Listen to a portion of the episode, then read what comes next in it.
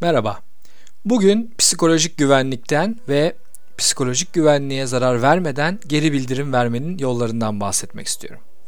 Psikolojik güvenlik, ekipteki çalışanların görüşlerini ifade ettiklerinde kınanmayacakları, utandırılmayacakları ve cezalandırılmayacakları konusunda duydukları güveni ifade ediyor. Çalışanın kendini güvende hissetmesi bunun ön koşulu tüm ekip üyelerinin kişisel ilişki kurarken risk alabilecekleri konusunda güven duymaları. Bu olduğunda çalışanlar aralarında daha çok konuşurlar, daha çok gülerler ve eyleme geçmeye daha istekli olurlar. Yargılanmaktan endişe etmeden en iyi fikirlerini ve en iyi davranışlarını gösterebilirler. Bu olduğunda çalışanlar toplantılarda kendi düşüncelerini ifade etmekle kalmaz, diğer çalışanların ses tonu veya sözlü olmayan ifadelerine de dikkat eder, empati geliştirirler. Bunun tersi olduğunda çalışanlar içlerine kapanabilir veya kendilerini ortaya koymanın aşırı riskli olduğunu düşünüp ses çıkarmazlar. Bu durumda soru sormazlar, fikirlerini paylaşmazlar, yeni fikirlerin oluşmasına katkıda bulunmazlar ve iyi gitmeyen konularda endişelerini ve düşündüklerini ifade etmezler. Bu da yapabileceklerinden çok daha azını yapmaları sonucunu doğurur. Yani bağımsız, kopuk hale gelirler. Bu aynı zamanda iç motivasyonlarını da olumsuz yönde etkileyebilir. Burada bir örnek vermek istiyorum. Ekibiyle sürekli Slack aplikasyonu üzerinde iletişim kuran bir lider, ekibinin performansının düştüğünden ve bağlılıklarının azaldığından şikayet ediyormuş. Bakınca ekip liderinin ekip üyelerini herkesin görebileceği Slack kanallarında eleştirdiğini ve çalışanların herkesin okuyabileceği şekilde eleştirildiklerinde utandıklarını ve hata yapma korkusuna kapıldıklarını fark etmiş. Bu güveni yıkan davranışını değiştirip düzeltmesi ve herkesin güvenini yeniden kazanması da tam 6 ay sürmüş. Ayrıca hep takdirin herkese açık, eleştirinin birebir olması gerektiği söylenir. Ancak her çalışan takdir alırken konunun herkese açık olmasını istemeyebilir de. Buna da dikkat etmek gerekir. Psikolojik olarak güvenli bir kültür yaratılması konusunda blogumda çeşitli yazılara ulaşabilirsiniz. Geri bildirim verme tavrı ile ilgili de şu üç eğilimi gözlemliyorum. 1. Aşırı dobra geri bildirim. Ekip liderleri yapılan bir hata veya düşük performansla ilgili kızgın olduklarında, duygusal olduklarında ve tepki vermek zorunda hissettiklerinde aşırı dobra davranarak akıllarındaki her şeyi birdenbire çalışana söyleme eğilimi gösterebiliyorlar.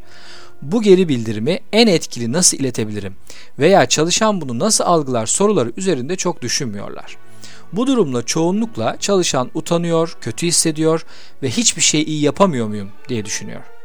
Liderine olan saygısı aşınıyor ve benzer bir konuda o işi daha iyi yapma konusunda da bir ilerleme göstermiyor. Bu tek taraflı ve talimat vari bir geri bildirim oluyor. Bunu yapan liderler bazen hiç taviz vermeden söylenmesi gerekeni söyledim diyerek doğru yaptıklarını gururla söyleyebilirlerdi. 2 aşırı yumuşak geri bildirim. Bu yaklaşımda da ekip lideri çalışanı incitmemek için neredeyse konuya hiç giremiyor, konunun etrafında dolaşıyor, zor bir diyaloğa girmemek için de lafı dolandırıyor. Bazen söylemek istediğini bile tam ifade edemiyor. Bu durumda çalışan çoğunlukla ne anlamalıyım bu konuşmadan diyerek ayrılıyor. Bazen çalışanı incitmemek için ekip lideri öyle nazik, öyle yumuşak davranıyor ve olumlu noktaların altını çizmeye çalışıyor ki çalışan ya herhalde her şey iyi gidiyor baksana beni sürekli övdü diyebiliyor. Tabii bu şekilde verilmeye çalışılan geri bildirimde çalışan istenen davranış değişikliğini gösteremiyor. 3. Doğrudan geri bildirim. Mesajın net bir şekilde saygılı bir biçimde iletilmesi ve çalışanın da bunu olumlu olarak alabilmesi durumu bu kategoriye giriyor. Bu durumun olması için yapılabilecek şeylerden biri önce çalışana görüşlerini sormak, iyi giden ve gelişebilecek alanlarla ilgili onun gözlemlerini almak, sonrasında lider olarak gördüğünüz olumlu tarafları ve geliştirmeleri gereken tarafları net olarak ifade etmektir. Çalışanın gelişme noktalarını kendinin keşfetmesi sahiplenmeyi de arttıracaktır. Çalışana aklındakileri ifade etmesi, imkanı verilmesi çok değerli hale gelir. Bir örnek üzerinden gidelim. Diyelim ki ekip lideri bir çalışana yaptığı bir sunumla ilgili bir geri bildirim veriyor. Eğer Yani göz kontağını kaçırdın, PowerPoint sayfalarının tasarımı çok da iyi değildi. Bazen de çok süratli konuştun diye aklındakileri hemen böyle söylerse çalışan kötü hissedecek. Herhalde iyi hiçbir şey yapamadım diye düşünecek ve mümkünse bir daha da sunum yapmak istemeyecektir. Ekip liderinin niyeti iyi olsa da bu şekilde bir yaklaşım istenen sonucu vermeyecek. Çalışan duyduğu geri bildirimle ilgili olumsuz duygular geliştirecek ve o konularda çalışmak dahi istemeyecektir. Aynı ekip lideri konuya ya sence neler iyi gitti diye sorarak başlasa ve çalışan ona göre nelerin iyi yaptığını anlatsa. Ekip lideri de bu olumlu taraflardan katıldıklarını belirtse ve takdir etse, aralarında olumlu ve güvenli bir ortam oluşabilir.